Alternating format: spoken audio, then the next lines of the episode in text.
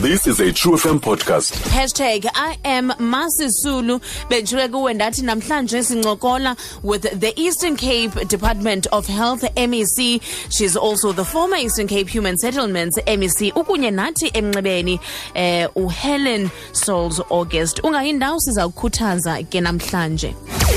I am a woman of strength. I am a game changer. I will not sit down and not take action against social injustices. Hashtag I am Masisulu.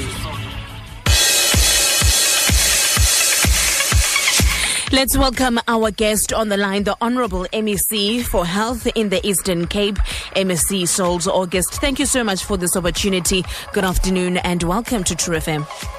Good afternoon, AJ, and welcome to all the listeners on the show. It is a pleasure. Could you briefly tell us about how you got involved in politics? Well, started, that's a long story, AJ.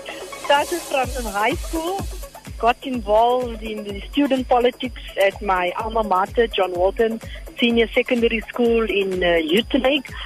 Um, from there, the student movement, um, ROICO, uh, Congress that was operating in the area, into the UDF.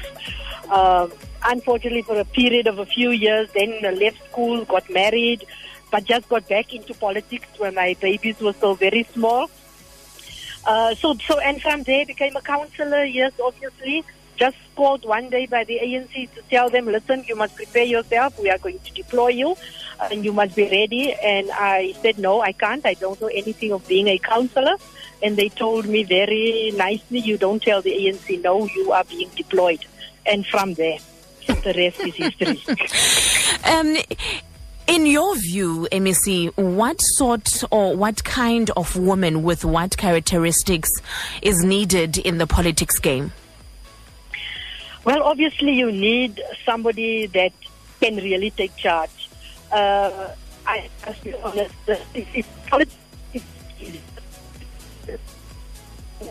And women that is married and have got children. Okay, You so, so to I- I'm sorry to cut you there, MEC, but we have a bad connection with the line. I'm going to let my producer Tando try to fix it and perhaps put the MEC on another line.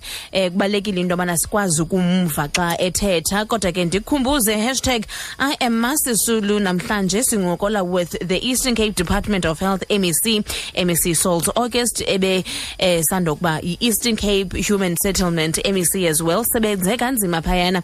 Ndithe ndawuthi ndijonga i-research um xa ndimresearcha ndabona into yobana hayi man phaa they had received accolades as well um njengomsebenzi bebeyenzile um at the department of human settlements um namaphulo abaye banawo ngakumbi apha kule mandla wasebuffalo city um ukunikezelwa kwezindlu ebantwini grew in her time at that department as well.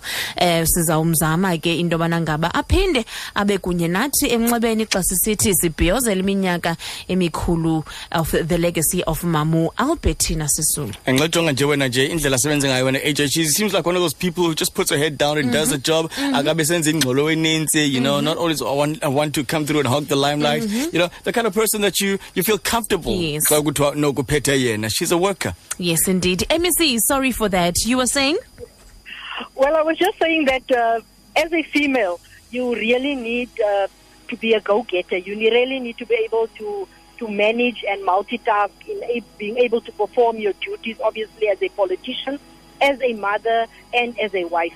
So you that, that for me is one of the outstanding qualities for any politician, uh, not just in the ANC where I'm coming from, but I think uh, it starts with it with that. Otherwise, you are going to allow people to walk all over you, and you are not going to be able to, to grasp things, and certain things are going to fall through through the fingers. There's a lot of other characteristics, obviously. The the fact that in politics you really need to take time and listen to people.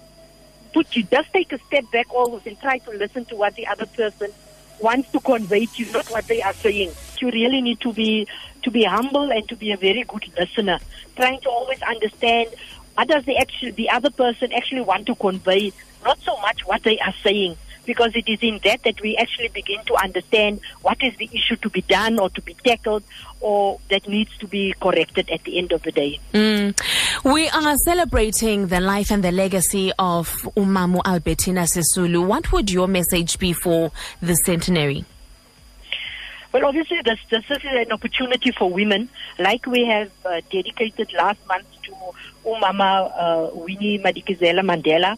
This is again an opportunity for women to profile the successes of women out there, what we have achieved in honoring the legacy of Ma Sisulu, uh, the fact that she was a nurse, she was a provider, uh, she went out there taking care of people. That is ingrained in us as women. But also as women, we need to make time for ourselves.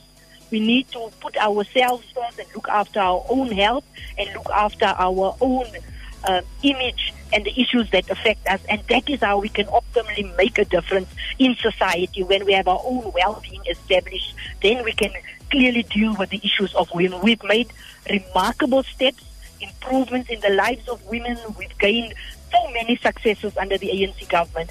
And I think there is still more that women can achieve in uh, the era where we are going.